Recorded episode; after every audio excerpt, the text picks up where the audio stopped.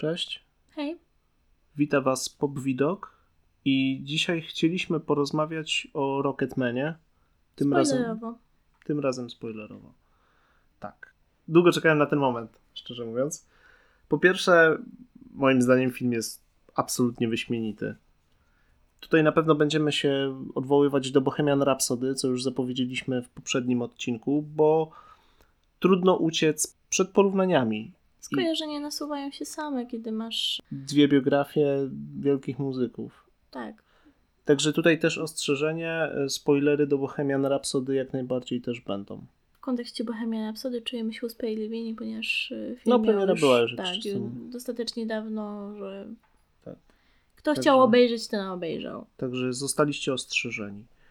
I do rzeczy. Przede wszystkim Rocketman nie jest typową biografią. Jak już mówiliśmy w poprzednim odcinku, ten film stoi formą, dlatego rozmawianie o nim bez omawiania konkretnych scen moim zdaniem właściwie nie ma sensu. Powiedziałabym, że nie jest typową biografią o tyle, że to jest film uniwersalny. On nie tyle mówi o historii konkretnej osoby, konkretnego artysty, Eltona Johna, nie tyle mówi o jego przeżyciach i o jego przejściach w drodze na szczyt i na samym szczycie, ale mówi też o samotności jako o czymś uniwersalnym, o samotności człowieka, który jest na szczycie, o samotności artysty, który jest otoczony ludźmi, którzy nie do końca go rozumieją. I pozornie, choć ma wszystko, to wiele mu brakuje. To jest film o braku miłości. Tu się mogę zgodzić. Przy czym tutaj jakby nastąpiło moje pierwsze zaskoczenie, jeśli chodzi o ten film, bo o ile Bohemian Rhapsody tak naprawdę opowiadał o historii Queen i Frediego z taką kronikarską drobiazgowością, o tyle Rocketman bawi się chronologią.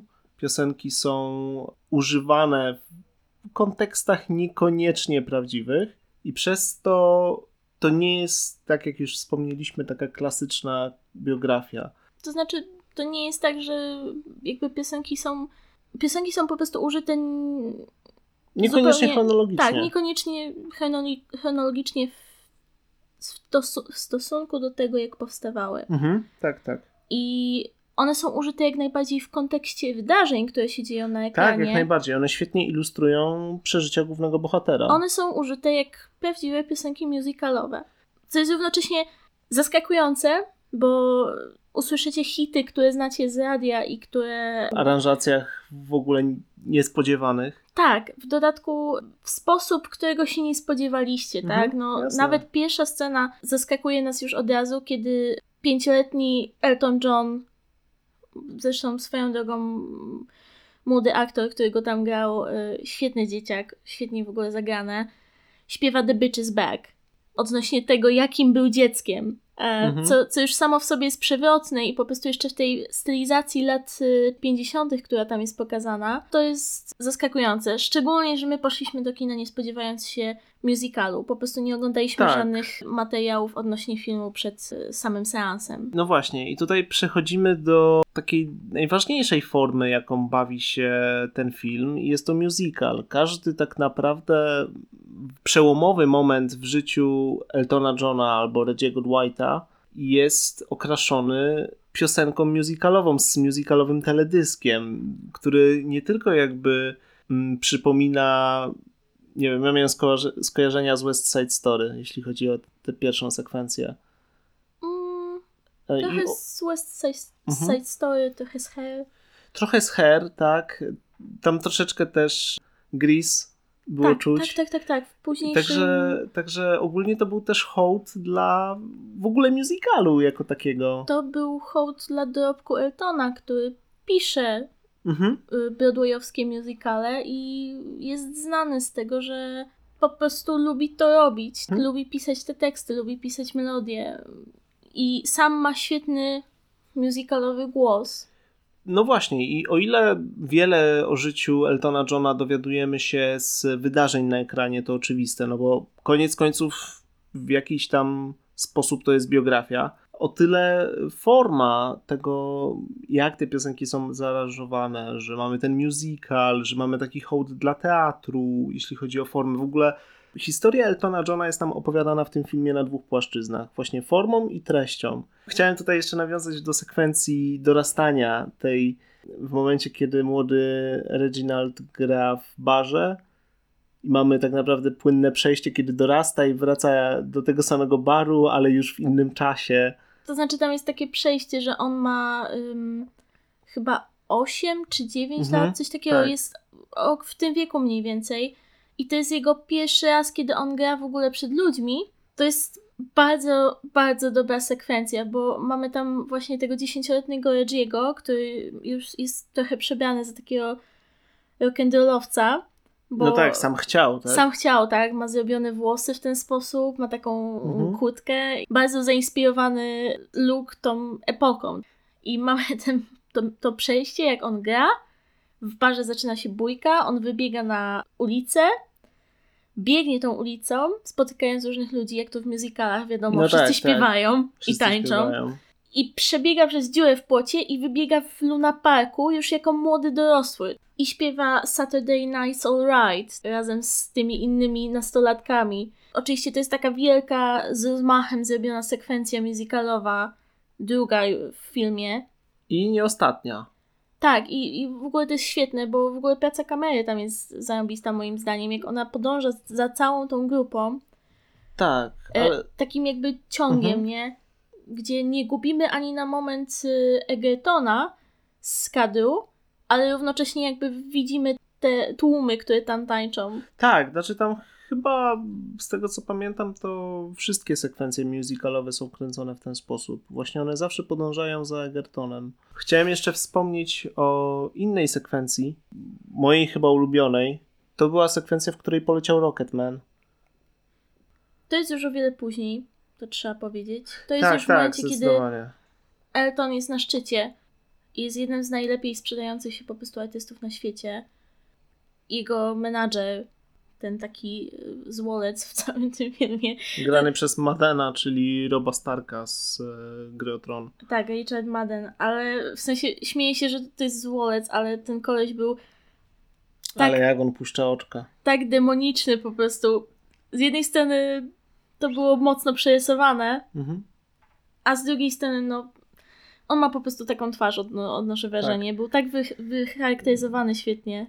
I właśnie w tej scenie mamy ratowników medycznych, którzy ubierają, przebierają Eltona.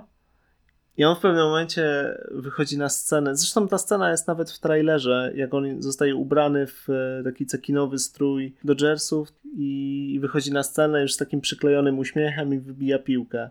I w ogóle jakby dla mnie ta scena, cała ta sekwencja definiuje ten film, bo ten film łączy dwie rzeczy. Przede wszystkim jest jednocześnie bardzo skromny, intymny. To jest prosta historia jednego człowieka, który znalazł się na szczycie i nie do końca sobie z tym poradził. A z drugiej strony mamy ten cały blichtr, przepych, za którym on się chowa tak naprawdę.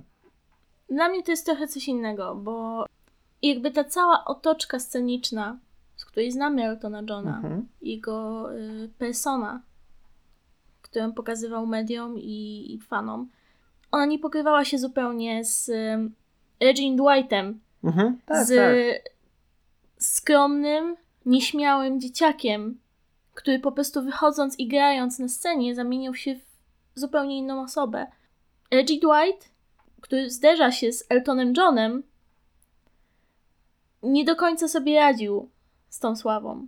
I to jest właśnie historia o tej rozbieżności w artystach, tak? Jak najbardziej. Gdzie masz z jednej strony to, co się kryje wewnątrz nich, tą wrażliwość, ten, tą, tą jakby delikatność, tak? Bo on Ale- był delikatnym człowiekiem, jest delikatnym człowiekiem.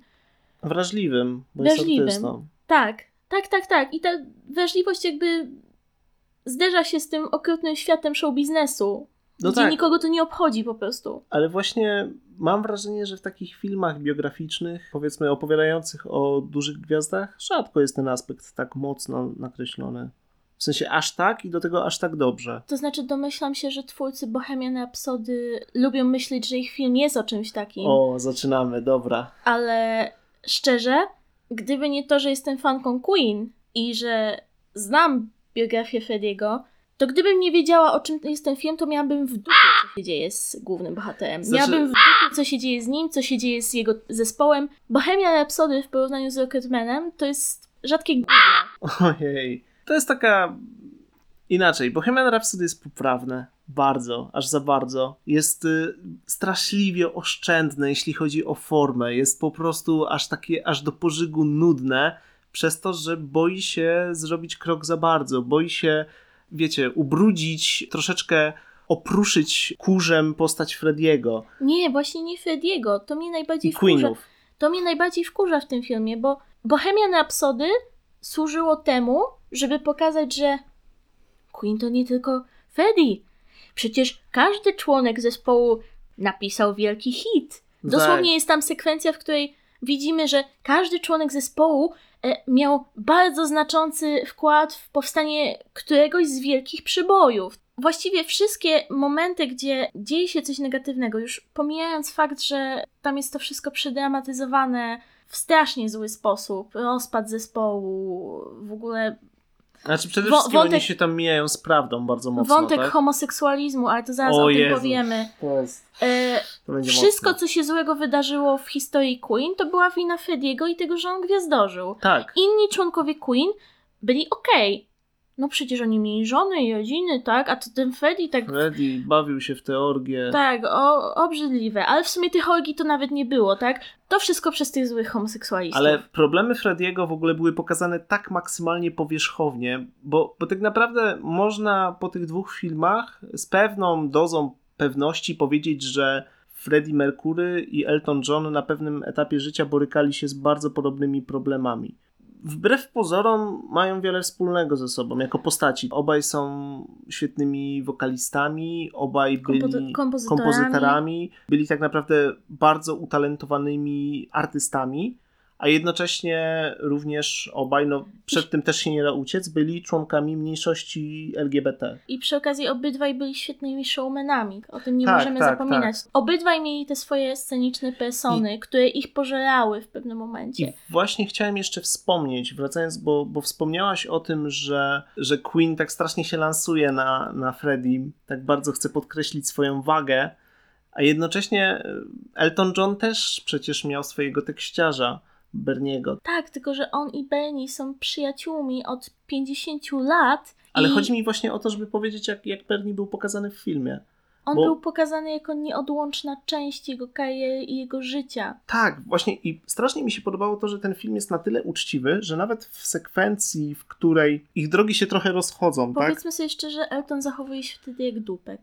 Tak, ale ma też ku temu powody, w sensie jest, Jest- wściekły na cały świat. Jest w dołku po prostu, jest w najgorszym w dołku. momencie swojego życia. Ten film też się nie obchodzi jakoś z Bernim jak z jajkiem, tak? On też w pewnym momencie się zachłystuje troszeczkę tą wolnością, zaczyna bardziej niż za Eltonem oglądać się za różnymi dziewczynami. To trochę źle brzmi, tak? W sensie mm, zaczyna korzystać z y, życia, Z życia gwiazdy kosztem- rocka. Tak? Kosztem, kosztem przyjaźni z Eltonem troszeczkę. tak. I Jest to podkreślone. Ale w tym kluczowym momencie, kiedy widzi, że Elton się stacza na dno, on jest jakby przy nim i on jest postacią, która zawsze jest przy Eltonie Johnie. Mimo, mimo, że z perspektywy samego Eltona Johna w tym filmie, bo miejscami ten film właśnie formą jest troszeczkę niewiarygodny, tak? Bo daje nam perspektywę Eltona Johna, mimo że z jego perspektywy, z perspektywy postaci, Bernie go w cudzysłowie zdradza.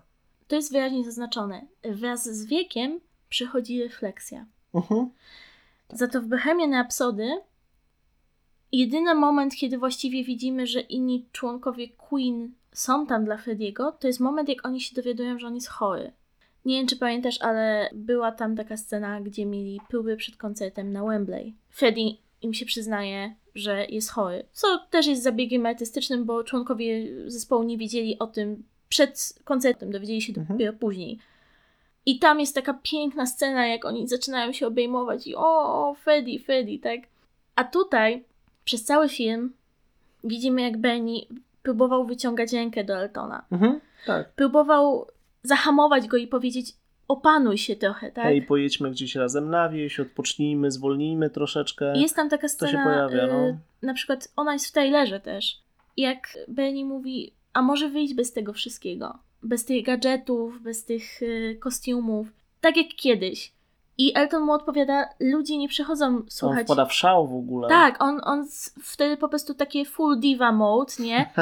I zaczyna No, krzyczeć, że ludzie nie przychodzą oglądać Reggie'ego Dwighta, ludzie przychodzą oglądać Eltona Johna. I mija go, w sensie mija Berniego i idzie na scenę.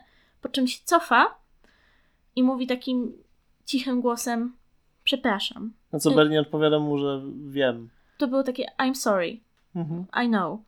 To jest, to jest największa kłótnia między tymi bohaterami chyba. Tak, znaczy to jest chyba największy konflikt, to jest taka największa nie, eskalacja. nie, jest potem jeszcze y, jak y, Benny śpiewa y, Goodbye Yellow Br- Brick Road, tak? Tak. Gdzie to jest w sumie już praktycznie finał samego filmu.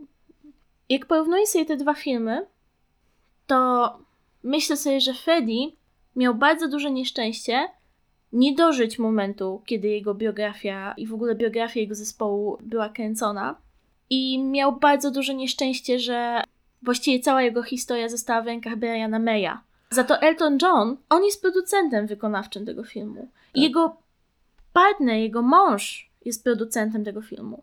Przy czym I- warto zaznaczyć, że jego partner też się do tego filmu za wszelką cenę nie wciska. On, Tak. on się pojawia w ogóle w planszy końcowej, że hej, Elton ułożył sobie życie i, I jest kogoś- szczęśliwie.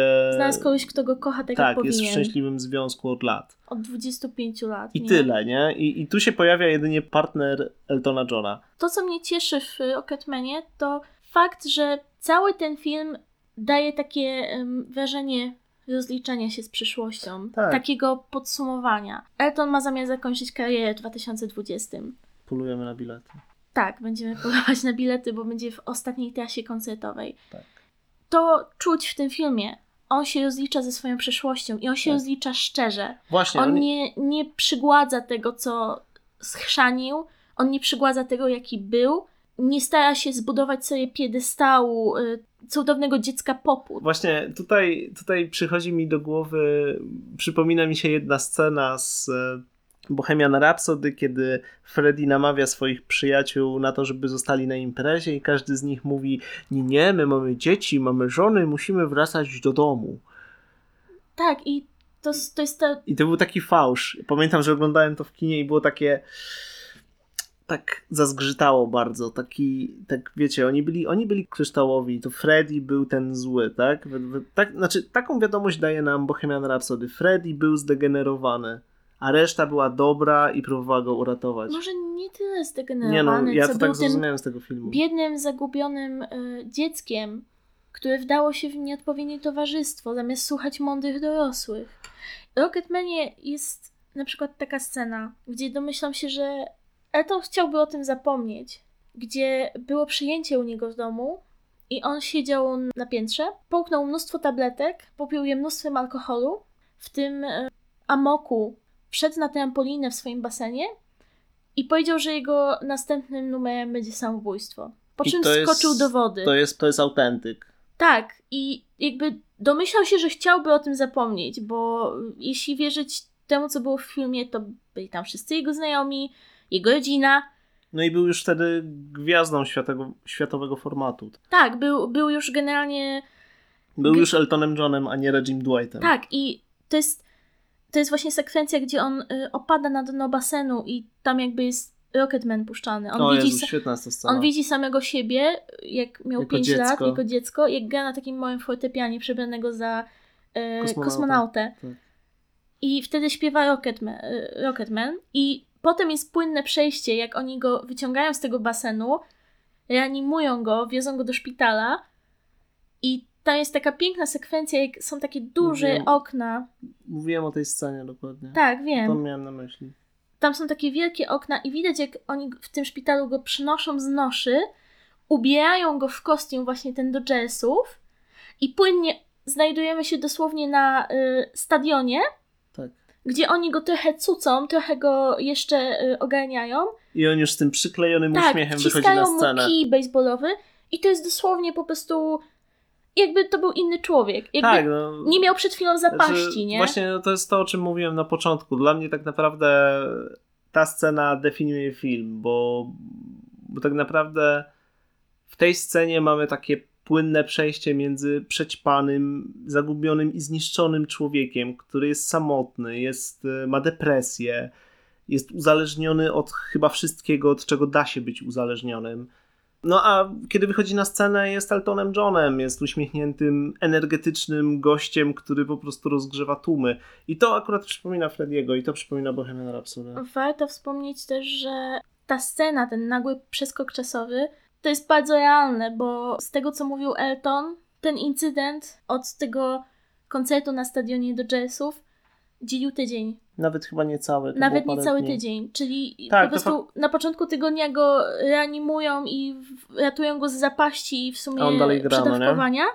I pod koniec tygodnia on jest znowu na scenie. Znaczy, bardzo mi się właśnie podobało pokazywanie upływu czasu, bo to nie jest taka jedyna scena. Tam jest parę takich fajnych montaży, kiedy nagle mamy jakiś kontekst. Powiedzmy, Elton John jest w restauracji, je obiad z rodzicami, wychodzi do łazienki, wraca i jest na obiedzie z Bernie. I jest w innym stroju. jest w innym stroju. Widać, jak się Świetne przebiera, to było, nie? to było genialne, po prostu takie, wiecie, poczucie odrealnienia, odcięcia w ogóle i, i takie totalne gubienie całych tygodni tak, wręcz, i nie? w ogóle jeszcze przed Taki tą, amok przed tą sekwencją z. Rocketmanem jest moment, jak on się budzi w łóżku i rozmawia ze swoim menadżerem. I on mu mówi chyba o nagrywaniu, o studiu, że ma, powinien iść do studia, nagrywać dalej. I, on, i Elton mówi, ale przecież to dopiero za tydzień. Minął tydzień. Mhm. Tak, tak, On, tak. on gubił całe tygodnie po prostu w tym No w amoku, ćpania, tak. chlania i tak dalej. Nie? Albo na przykład był, bardzo mi się podobało też e, przejście z Honky Cat. E, Mhm. To była ta sekwencja, jak on zaczął wydawać tyle pieniędzy. Jak e, było pokazane, jak wpada w ten szał za, za kupoholizmu. W ogóle e, całe tempo tego filmu moim zdaniem nadaje już sam początek. Pierwszą dosłownie sekwencją jest, jak wi- widzimy, po prostu jak Elton wparowuje przez takie podwójne drzwi w szpitalu i idzie takim białym, czystym, sterylnym korytarzem w tym swoim stroju, po prostu takim krwisto-czerwonym stroju diabła, z tymi cekinami, z wielkimi skrzydłami z piór. I widzimy, jak on idzie tym korytarzem, wchodzi do dużego pomieszczenia, gdzie siedzą ludzie w kole i mówi, że nazywa się Elton John, że jest kokainistą, że jest uzależniony od alkoholu, jest bulimikiem, Tak. Jest... e, zak- zakupoholikiem i to już jest jakby sam początek. Właściwie chyba możemy przejść do tej sceny też, skoro już o tym wspomniałaś, bo ta scena jest taka w oczywisty sposób e, wręcz symboliczna, tak? Bo on w miarę tak naprawdę opowiadania nam historii Eltona Johna od jego wczesnego dzieciństwa do wyjścia z narkotyków, siedząc na tej sesji terapeutycznej, coraz bardziej gubi swój strój. To znaczy on zrzuca te cekiny, zrzuca te rogi. Te skrzydła. W pewnym momencie siedzi nago w szlafroku, Tak. a potem zakłada już coś bardziej stonowanego. Tak dochodzi do ładu ze sobą. Coś bardziej stonowanego, ale wciąż z delikatnymi cekinami, no nie? Tak, y, zrzuca jakby tą barierę przed światem. Tak, tak, tak. I tą barierę w sumie przed samym sobą. Co jest jeszcze warte uwagi w tej scenie, bo, bo to jest coś, na co też e, zwróciłem uwagę i nie tylko ja.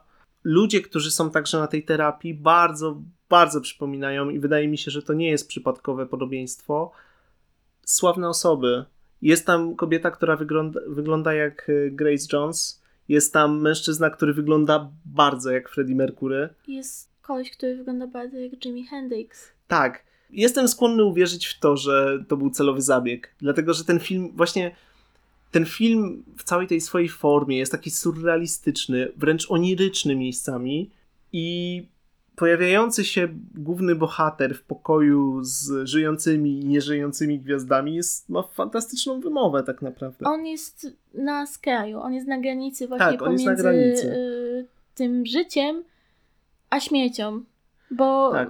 on był już, on, No już był jedną nogą w grobie właściwie. tak, to już było po pierwszym zawale tak naprawdę. tak, tak. I y, ten symbolizm w całym filmie jest niesamowicie silny i równocześnie on się przeplata z takimi scenami, gdzie jakby dosłowność tego wszystkiego nas y, rozwala, rozbija, nie? Mhm. Na przykład mam tutaj na myśli scenę, gdzie on i jego rodzina śpiewają I Want Love. O kurczę, w ogóle sam fakt tego, że piosenki, bo jakby, no nie sposób nie powiedzieć o muzyce, ale cała muzyka z filmu to jest muzyka Eltona Johna. To o tym już, Mhm. już wspomnieliśmy. Że ona jest używana w różnych kontekstach, że te konteksty są troszeczkę mieszane, że, że są mieszane z oryginalnymi i tak dalej. O tym też wspomnieliśmy, ale nie wspomnieliśmy, wydaje mi się, jeszcze o tym, że bardzo często inni bohaterowie śpiewają poszczególne wersy tych Tak. piosenek. I właśnie I Want Love. Ojejku, jaka to była mocna scena w ogóle. Bohaterowie, właściwie cała rodzina Reggie'ego wtedy jeszcze Dwightów. śpiewa I Want Love, gdzie oni wszyscy są w jakiś sposób połamani. Oni, to jest dysfunkcyjna rodzina. Jest, rodzice Reggie'ego są strasznymi ludźmi. W ogóle jak byliśmy na seansie, to jedna kobieta za nami bardzo, bardzo przeżywała wszelkie Jezu, ona... wszelkie sceny z To- matką Reggie'ego, ale ja się nie dziwię, bo po prostu matka Reggie'ego jest, zresztą Howard gra, grają fantastycznie, ty masz ochotę jej strzelić w twarz, ona jest tak po ona prostu jest straszna, ale ojciec wcale nie jest lepszy. osobą. W sensie Ojciec jest zimny Pamiętam, prostu, pamiętam tak? że ta kobieta za nami strasznie przeżyła y, moment, kiedy Elton przyznaje się swojej matce przez telefon, że jest gejem. I ona mu mówi, że ale wiesz, że się skazujesz na życie z samotności, nikt nigdy cię nie pokona, No nie to pokocha tak jak należy. odpowiedź dla... To jest y, ona i ona to jeszcze mówi tak beznamiętnie i po prostu Nie no, jeszcze wcze, wcześniej, ko- do, wcześniej dodaje jeszcze, że, że wie o tym od dawna przecież. To nie jest kobieta, y, dziewczyna za nami po prostu y, to było takie jak tak można? Tak. E, Swoją drogą, jeśli, jeśli nas słucha, to pozdrawiamy. Bo Nie. to też, też, też nas, e, mnie osobiście ta scena strasznie wkurzyła też. Znaczy, To- wkurzyła w taki, poruszyła, znaczy nie, że wkurzyła przez to, że była Mnie jakoś za- realizacyjnie, czy, czy coś Mnie takiego. zagotowało po prostu Tak, w środku, jak to usłyszałam. Że, żebyśmy się dobrze rozumieli. To nie jest tak, że ta scena mnie wkurzyła przez to, że była jakaś nieudolna, czy coś takiego. Nie, po prostu była taka mocna emocjonalnie i ta postać matki była tak dobrze wygrana, że, że po prostu poczułem autentyczną nienawiść do, do tej postaci. Tak mitochondrialnie po prostu Tak. w tym momencie tej osoby nienawidziłem. Bryce Howard tak to zagrała świetnie i szapoba, tak, bo też trzeba umieć zagrać taką Tak. postać, która wzbudza po prostu momentalnie naszą nienawiść, bo Nawet nie antypatię, nienawiść. po to prostu jest taka- nienawiść. To jest, to jest matka Ona z gatunku, która poświęciła wszystko. Przepraszam, że ci przerwałem. Mm, mów. To jest, e, to jest matka, która e, poświęciła wszystko dla swojego dziecka, a jednocześnie cały czas siedzi w domu. Właściwie niczym się nie zajmuje, wszystko robi babcia i matka jest straszliwie zmęczona tym, że I- właściwie chodzi cały czas na randki. I oczywiście nie omieszka wypomnieć wszystkim, jak ona bardzo się poświęca dla swojego dziecka. Tak, no i oczywiście wszystko jest winą e, Reggie'ego. Tak, tak, to, jest, to, to była wina Tak. jej syna, że musiała się rozstać z mężczyzną, którego wyrobiła w rodzinę, uwiązała go do siebie dzieckiem. E, To jest jej wina, że ten mężczyzna jej nie kochał, jego wina, że ten mężczyzna jej nie kochał, e, że jest oziębłym po prostu klockiem lodu, bo swoją drogą ojciec. To jest tak, że wszyscy w domu, właściwie oprócz babci, obwiniają Reggie'ego o, o to, jak się czują. Jego ojciec obwinia go o to, że, że nie kocha własnego syna, że nie jest w stanie wzbudzić y, w sobie emocji wobec y, własnego syna, wobec dziecka. Sposób, w jaki go traktuje. Tam pada takie pytanie ze strony y, małego Reggie'ego, kiedy mnie przytulisz? I to jest po prostu, łamie się nam serce, jak słyszymy coś takiego od dziecka wobec własnego ojca. I to właśnie ten brak czułości i brak tej miłości yy, zrzutował na całe późniejsze życie. Tak, jak Eltona. najbardziej. Jak najbardziej. Przy czym warto tutaj jeszcze podkreślić to, jak dobrze jest y, ta historia pisana. To znaczy, ja osobiście nie znałem biografii Eltona Johna na tyle, żeby wiedzieć, jakie miał dzieciństwo. I tym bardziej jakby to jest po prostu dobrze napisane, bo tam nie pada wiele słów, jeśli chodzi o to, jaką historię mają rodzice Reggie'ego, ale można się domyślać, że to był romans żołnierza i dziewczyny po prostu z miasta. Tak to wygląda, szczególnie jak on na, na samym początku wraca i ona go pyta, na ile wróciłeś? Tak, I to w sumie właśnie, więc jest albo żołnierzem, albo marynarzem wręcz. nie wiem, jakby to jest, to jest kwestia już do, do czytania, tak? Ale tam właśnie takie drobne rzeczy, one budują podwaliny na późniejszą... Tak, e, tak. Na przykład jest taka scena, gdzie mm, już starszy Reggie, i jego matka pokazuje mu zdjęcie z katalogu z modą i pyta go, który kolor sukienki. I on odpowiada, że czerwona. Ona mówi, okej, okay, czerwona. I bierze i chyba idzie ją zamówić, czy coś takiego. To był chyba taki katalog um, telefoniczny, nie? Tak, tak. I on siada i zaczyna przeglądać ten katalog. Przy czym jego ojciec mówi mu: Zostaw to, nie oglądaj tego, nie jesteś dziewczyną. W ten delikatny sposób zostało zaznaczone, dlaczego Elton zaczął się interesować modą, ponieważ pomagał swojej mamie, bo to był jego sposób na zawiązanie z nią relacji.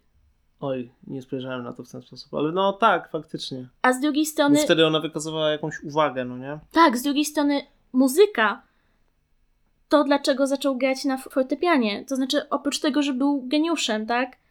W tej kwestii. Miał wtedy uwagę w domu, zwyczajnie. Chciał uwagi swojego ojca, który Tak. był melomanem, który bardzo kochał swoje winyle.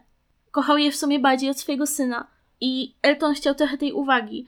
To wszystko pokazuje, w jaki sposób właśnie kształtuje się charakter tego dorosłego człowieka. Tak jak już wspomniałem, no jest to po prostu dobrze, zw- zwyczajnie jest to po prostu dobrze napisany scenariusz. Tam nie pada dużo słów, ale oglądając to, łącząc te detale, to się składa na spójny Ekspozycji obraz. praktycznie w ogóle tam nie ma w Tak, dialogach. tak. W ogóle dialogi są świetnie napisane. E, Są- swoją drogą, tak teraz jeszcze pomyślałam, dlaczego Elton chciał zostać rock'n'rollowcem? Bo jego mama zaczęła się umawiać z rock'n'rollowcem. no tak, racja. Więc z jednej strony to mogło być rzeczywiście takie dziecięce zauroczenie tą subkulturą, a z drugiej strony to mógł być kolejny Chęć sposób. zaimponowania matce. Tak, nie? na szukanie właśnie tej aprobaty u mamy. Ale faktycznie. Też o tym nie pomyślałem, ale tak, to się trzyma kupy. No właśnie, i, i wcześniej e, wspomnieliśmy już o homoseksualizmie tutaj w tym filmie i no nie możemy go nie odnieść do Bohemian Rhapsody, dlatego że w Bohemian Rhapsody W Bohemian Rhapsody mamy scenę, gdzie Freddie rozmawia ze swoją dziewczyną slash narzeczoną przez telefon. Jest w Stanach, tak? Jest na trasie koncertowej. I jest tam taka scena, gdzie on rozmawia z nią i patrzy akurat w, tam w kierunku toa- toalet czy czegoś takiego. I tam wychodzi taki wąsaty kierowca tira. I rzuca mu takie lubieżne spojrzenie. I w tym momencie mamy wyraźnie zahintowane, że Freddie został gejem.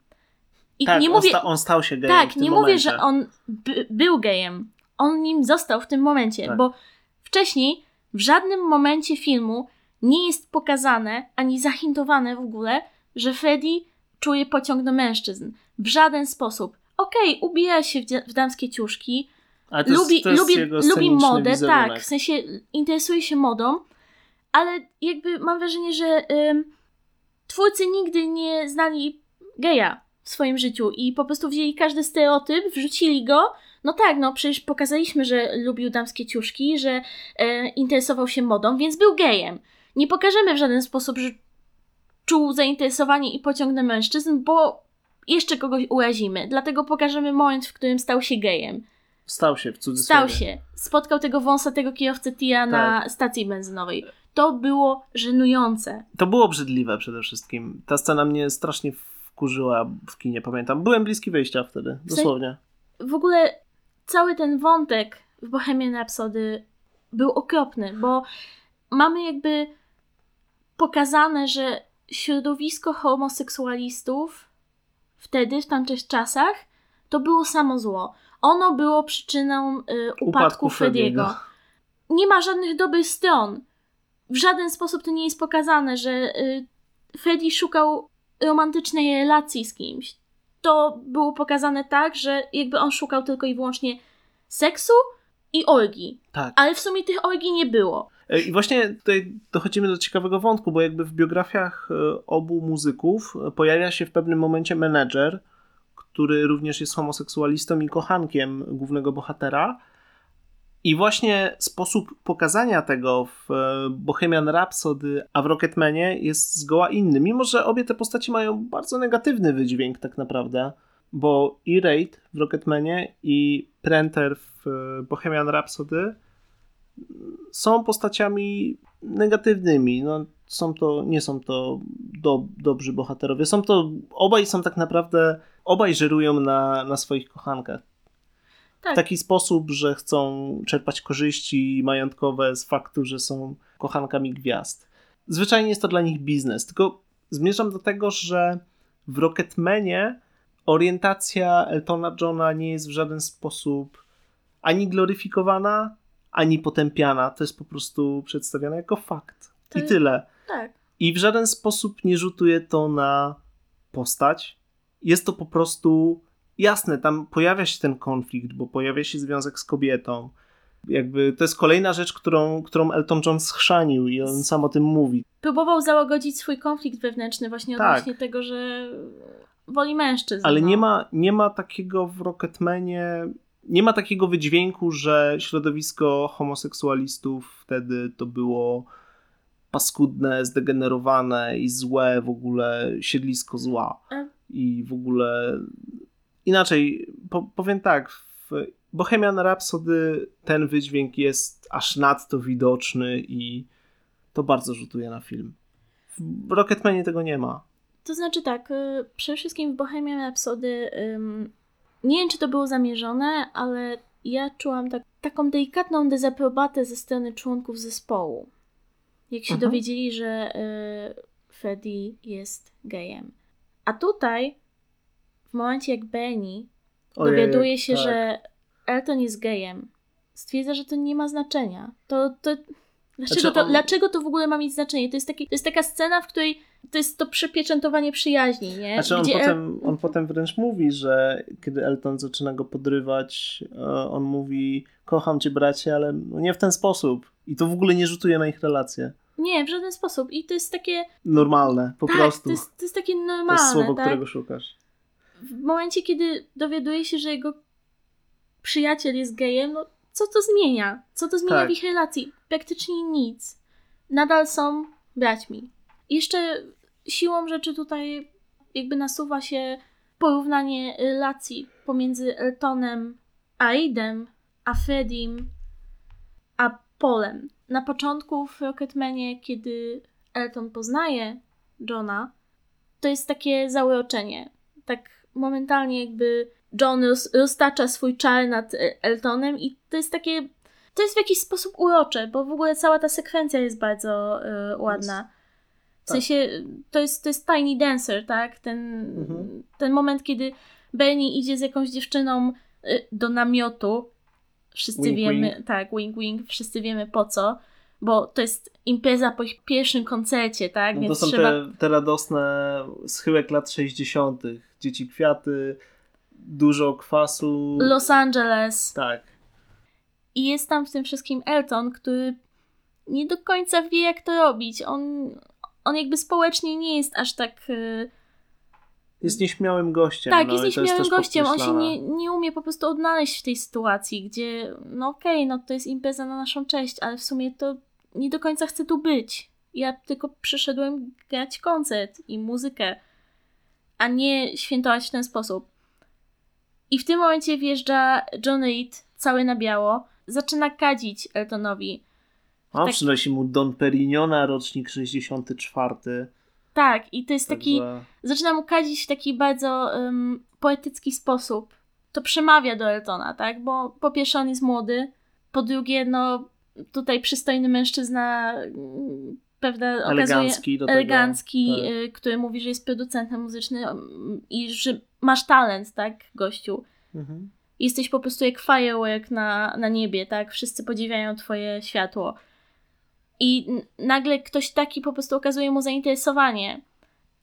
I ten złakniony miłości i uwagi y, po prostu młody facet no daje się na to nabrać, Mhm. tak? Bo my jako widzowie widzimy od razu, że No, Coś tu śmierdzi. Nie jest, nie jest dobry. Tak? szczególnie potem jak on się pojawia w momencie, kiedy Elton już jest na szczycie, tak? Tak. Odwiedza Londyn i, i po prostu pojawia się ni z tego nizowego, tak? Nie wiemy, co robił przez ten czas, nie wiemy, czemu akurat teraz się pojawił, to znaczy wiemy, Elton tego nie wie. I nagle mamy tą sekwencję Honky Cat, gdzie Elton zaczyna wydawać pieniądze w niekontrolowany sposób. Za namową Rida. I nie tylko na siebie, No tak. ale też na Rida. No oczywiście, no to, to jest jakby oczywisty motyw. Z drugiej strony mamy w Bohemian Rhapsody właśnie relacje Paula i Frediego, która od samego początku jest pokazywana jako taka mocno abusive i w dodatku jest maksymalnie spłycona. Jak Czyli- wszystko w Bohemian Rhapsody. Tak, ale mamy taki mamy takie poczucie, że ten koleś się pojawia, Freddy się w nim zakochuje, on Freddy'ego nie kocha, co już wiemy po prostu od samego początku, o ile w przypadku właśnie Rocketmana możemy się jeszcze łudzić w jakikolwiek sposób, to tam nie, tam po prostu ten facet jest tam, żeby schrzanić wszystko. I na przykład właśnie te sceny, gdzie, gdzie jest pokazane, jak ten biedny Freddy się snuje i ten Paul jest taki zły. I to jest, to jest tak płytkie. Nie ma w ogóle pokazanego tego rozpadu pomiędzy tymi postaciami. Nie ma pokazane, jak ta ym, relacja się coraz bardziej rozjeżdża. Gdzie w Rocketmanie właśnie im bardziej upływa czas, im bardziej Elton się orientuje, jaki tak naprawdę jest John, po prostu widać ten rozpad, widać to, jak oni i jak ich drogi się rozchodzą. Pomimo tego, że jest między nimi relacja zawodowa, to już nie ma między nimi żadnej czułości i żadnego uczucia, które na początku gdzieś tam było. To mnie strasznie boli, bo jakby uważam, że Freddy zasługiwał na równie skomplikowaną, co jest niesamowitą zaletą i w ogóle moim zdaniem całą esencją Rock- Rocketmana jest pomysł na przedstawienie właśnie historii życia jednego człowieka. Wyjątkowego człowieka, który osiągnął wiele i przeżył wiele, ale jednak historii jednego człowieka i zrobienie z niej właśnie tego uniwersalnego medium, gdzie nie musisz być gwiazdą rocka, żeby się z tym identyfikować. Mhm. I forma, w jakiej to zostało przedstawione, jest wyjątkowa i specyficzna dla Eltona Johna. Jego właśnie miłość do teatru, do musicali. Fakt, że Egerton zaśpiewał wszystkie piosenki, to jest świetne. Dla mnie to jest mistrzostwo, bo on ma piękny głos. Sam Elton John pobłogosławił mu i nawet nagrał z nim jeden utwór, który jest na soundtracku. To wszystko składa się na taki wyjątkowy obraz, tak? Na ten wyjątkowy musical, gdzie jakby nie wyobrażał sobie innego artysty, innego człowieka, którego biografia mogłaby być zrobiona w dokładnie ten sposób. To jest specyficzne dla niego jako dla osoby. Poza Freddiem Mercurym. Tylko widzisz, Freddie był show, showmanem, był artystą, ale nie miał tego zacięcia teatralnego, które... Jak to nie? Nie w taki sposób jak Elton. Oni są podobni, ale jednak różni pod pewnymi względami. Mam wrażenie, że tą główną częścią charakteru Frediego był fakt, że on był niesamowitym showmanem. Był człowiekiem urodzonym do bycia na scenie. Tak na dobrą sprawę, on nie potrzebował gadżetów. On miał swój niesamowity głos, swoją charyzmę. No tak, ale jego A kreacje też były legendarne tak naprawdę. Tak, ale one były skromne, jak zestawisz je z kreacjami Eltona To Johna. prawda. I Zgadzam się. Elton John jest właśnie. Wszystko w jego scenicznym wizerunku jest właśnie na temat błysku, Rozdmuchane. na temat tej teatr- teatralności, tego um, wręcz, wręcz kojarzącego się z kabaretem i z, z, z taką burleską momentami. Wręcz, no. E, z tym przepychem właśnie. Ale nie zgodzę się, że Freddy nie mógłby dostać też takiej, takiej biografii. Jak najbardziej. Właśnie ten operowy, to operowe zadęcie, ten blichtr, przepych, takie umiłowanie tej wyższej sztuki przez Frediego, to mogłoby pięknie znaleźć odzwierciedlenie w filmie, gdyby komuś chciało się to tak napisać. Ale Gdyby Brian May nie wciskał paluchów, gdzie popadnie, E, ale Ale zamiast tego otrzymaliśmy po prostu taką poprawną, trochę już przerzutą laurkę, no. ja widziałabym mm, to da, biografię. dałoby się zrobić w ciekawszej formie. Ja widziałabym Bohemian Rhapsody w takiej formie, w jakiej było, bo to nie jest tak, że forma była zła. To wykonanie było złe. Wykonanie było badziewne. Forma Właśnie, była... ten film jest badziewny. To jest chyba, to jest chyba bardzo do, dobre słowo, dobre określenie. na Forma ten film. była bardzo dobra, w sensie klasyczna, ale dobra. I nie ma w tym nic złego, nic nie ma złego w klasycznej formie. Też nie mówię, że Freddie był mniejszym showmanem niż Elton jest. Ale chodzi mi po prostu o to, o to że jak myślę o Eltonie Johnie, to Broadway i musicale to jest jedno z głównych skojarzeń, jakie przychodzą mi na myśl. Z drugiej strony, jeśli ja myślę o Fredim, to widzę upiora w operze. To też jest jakby forma teatralna, jest inna, ale jest też rozbuchana, też bardzo taka pompatyczna. To, to też dałoby się sprzedać w podobnej formie. Tak, ale bardzo ciężko by było tego nie przeszarżować. Bo to jest właśnie kwestia z Rocketmanem. On balansuje na tej granicy. Mhm. On balansuje na granicy bycia przeszarżowanym i bycia dokładnie takim, jaki ma być. I to działa idealnie. To zrobiła osoba, która po pierwsze doskonale zna obiekt, Mhm. o którym traktuje film, doskonale zna Eltona Johna, doskonale zna jego historię, Twórczość. twórczość, jego charakter, doskonale zna wszystko, co jest wokół niego jako osoby. I nawiązałaś w sumie do tego przeszarżowania i właściwie, bo z tego co rozmawialiśmy, ty właściwie nie masz żadnych zarzutów wobec tego filmu. Tak. no, Ciężko, było, ciężko było ci wskazać jakieś po seansie, Ja, prawda? mo, możliwe, że jestem trochę nieobiektywna, bo jestem fanką po prostu i, i jestem zachwycona. Nie ma, nie tym ma w tym nic złego. Zmierzam do tego, że wspomniałaś właśnie o tym przeszarżowaniu i że ten film balansuje na tej granicy i właśnie moim drobnym zarzutem wobec tego filmu jest to, że czasami mam wrażenie, że on tę granicę przekracza. I dokładnie chodzi mi tu o jedną scenę, y, już y, końcową, właściwie finałową, kiedy Elton rozmawia z duchami, postaciami wszystkich e, swoich przyjaciół, osób dla niego ważnych, czyli tam rodziców, Berniego, Babci. babci. Moim zdaniem ta scena była trochę przeszarżowana, ona była już taka za bardzo łopatologiczna. Nie pasowała mi do genialnej konstrukcji reszty filmu. Moim zdaniem była taka strasznie uczniowska, taka taka nieporadna po prostu. Ja się tutaj nie zgadzam, bo jeśli weźmiesz pod uwagę jakby naszą teorię, że tak naprawdę Elton siedzi w pokoju pełnym martwych i żywych artystów, nie pojawiają się tam osoby, które są dla niego ważne. Pojawiają się tam osoby, które w jakiś sposób wpłynęły znacząco na jego życie.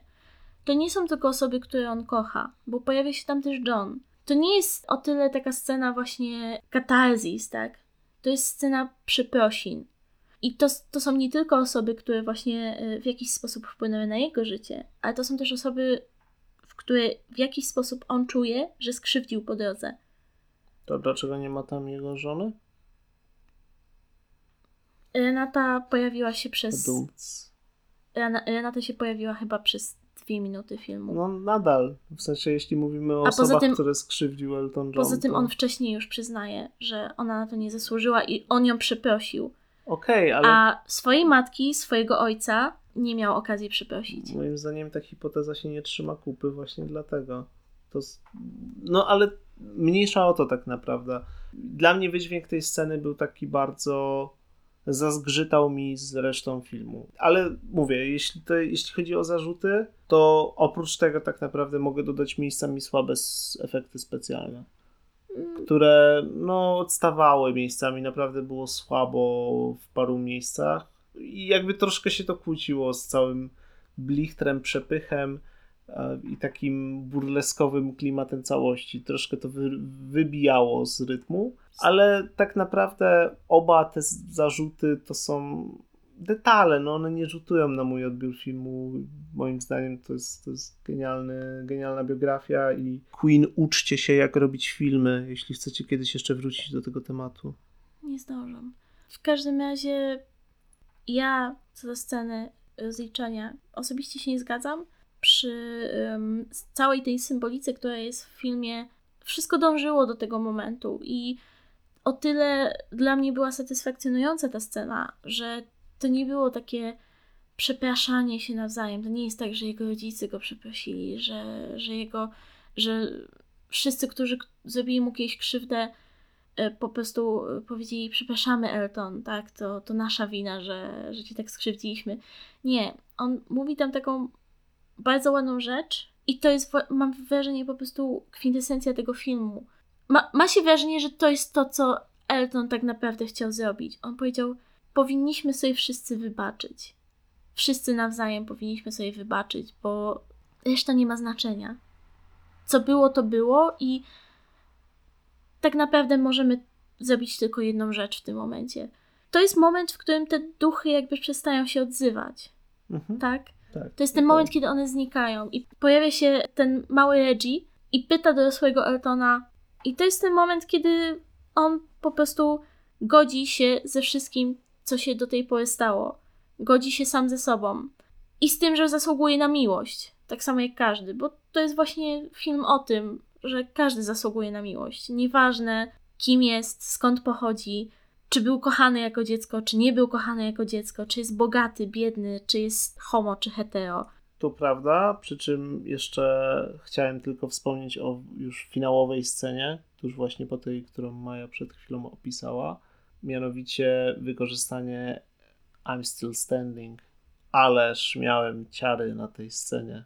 Ja miałam przez cały ten film ciary i parę razy się też spłakałam, przyznaję. To było naprawdę mocny, taki bardzo satysfakcjonujący, mocny finał, bo, bo koniec końców, e, tak już z zupełnie innej beczki, to rzadko się ogląda filmy biograficzne, czy w ogóle z elementami biografii sławnych gwiazd rocka, popu, sławnych muzyków, które mają szczęśliwe zakończenie.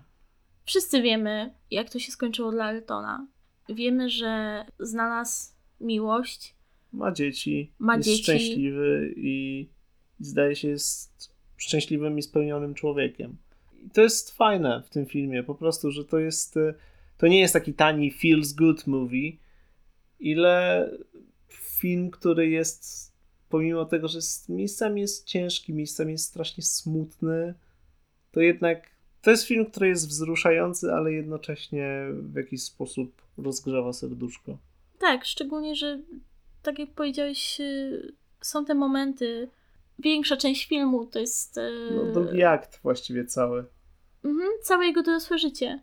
Dzieciństwo też, no powiedzmy sobie szczerze, to jest takie.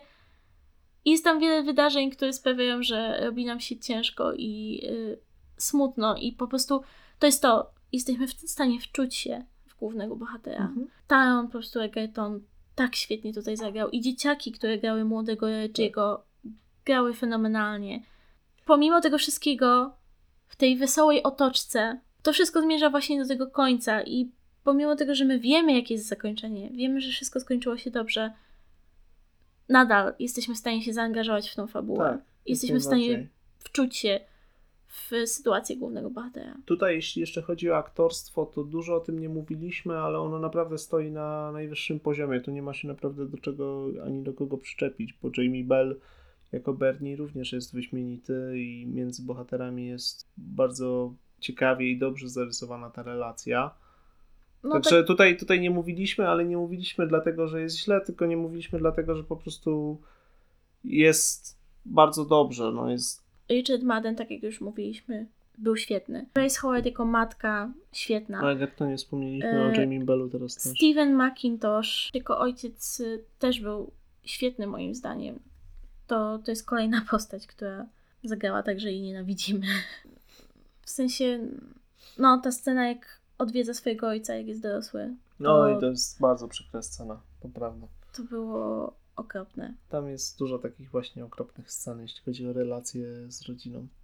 Takich najgorszych koszmarów, jak może potoczyć się relacja w rodzinie najbliższej. To znaczy, nie najgorszych, tak? To w sensie, to właśnie było chyba takie przerażające, bo jak oglądasz takie relacje, to zdajesz sobie sprawę z tego, że dla większości ludzi to nie jest rodzina dysfunkcyjna albo patologiczna. No tak, bo, Bo tam nie ma przecież- przemocy fizycznej, tak? Ojciec go nie bije, matka też nie.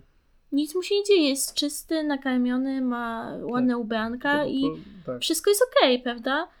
A w rzeczywistości po prostu to jest jedna z tych rzeczy, która skrzywia człowieka na całe życie. Mhm. No dobrze, to w takim razie um, Dzisiaj trochę inaczej opowiedzieliśmy o tym filmie niż, e, niż robimy to zazwyczaj.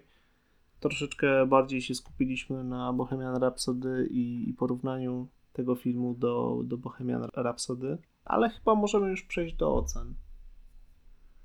Chcesz Mhm. zacząć? Ty zacznij. No dobrze, dla mnie ten film to jest 9 na 10. To jedno oczko w dół tak naprawdę za problemy z, w moim odczuciu problemy za, z przeszarżowaniem niektórych scen, o czym wspomniałem i troszeczkę, troszeczkę problem z efektami specjalnymi, ale to po prostu są braki w budżecie. No. Tak naprawdę to są jakieś tam detale, ale one mi nie pozwalają dać dychy. Dla mnie osobiście to jest 10 na 10 i to jest film, do którego wrócę. Bo O, ja też. Którego ścieżkę dźwiękową będę słuchać w kółko. To jest film, za który jako fanka Eltona mogę być wdzięczna, myślę. To jest film, który będzie kultowy. Tak. I ja nie mam zarzutów. Ja bawiłam się cudownie i, i jestem po prostu zachwycona tym obrazem. I bardzo, bardzo sobie życzę, żeby w przyszłorocznej stawce Oscarowej ten film został wyróżniony Chociażby samo- nominacją. Tak samo, a nawet bardziej niż Bohemian Rhapsody. Bo jeśli Taron Egerton nie dostanie nominacji za tą rolę, a Remi Malek dostał nominację za rolę Frediego, to będzie jawna niesprawiedliwość. Tutaj jeszcze tylko chciałbym przypomnieć swoją ocenę Bohemian Rhapsody. O ile dobrze pamiętam, to wystawiłem mu 6 na 10.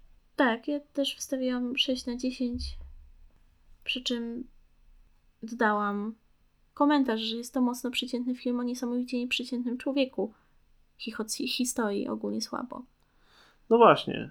I jeśli jeszcze nie widzieliście, a mimo to obejrzeliście te recenzje, to wow, nie bójcie się spoilerów, gratuluję. Ale Rocketman to jest naprawdę nieprzeciętny film o nieprzeciętnym człowieku. E, ostatnio zapowiadaliśmy recenzję Detektywa Pikachu. Mm, nie wiem, czy ją nagramy, koniec końców.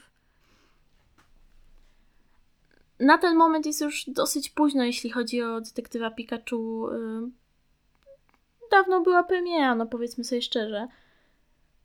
A zbliżają się kolejne duże premiery, które prawdopodobnie będziemy chcieli zrecenzować. No, tutaj zdarzył się Rocketman i uznaliśmy, że to jest film zdecydowanie bardziej godny takiej szczegółowej recenzji niż Detektyw Pikachu, który był ok. Poniżej, ok. To masz prawo do własnej opinii.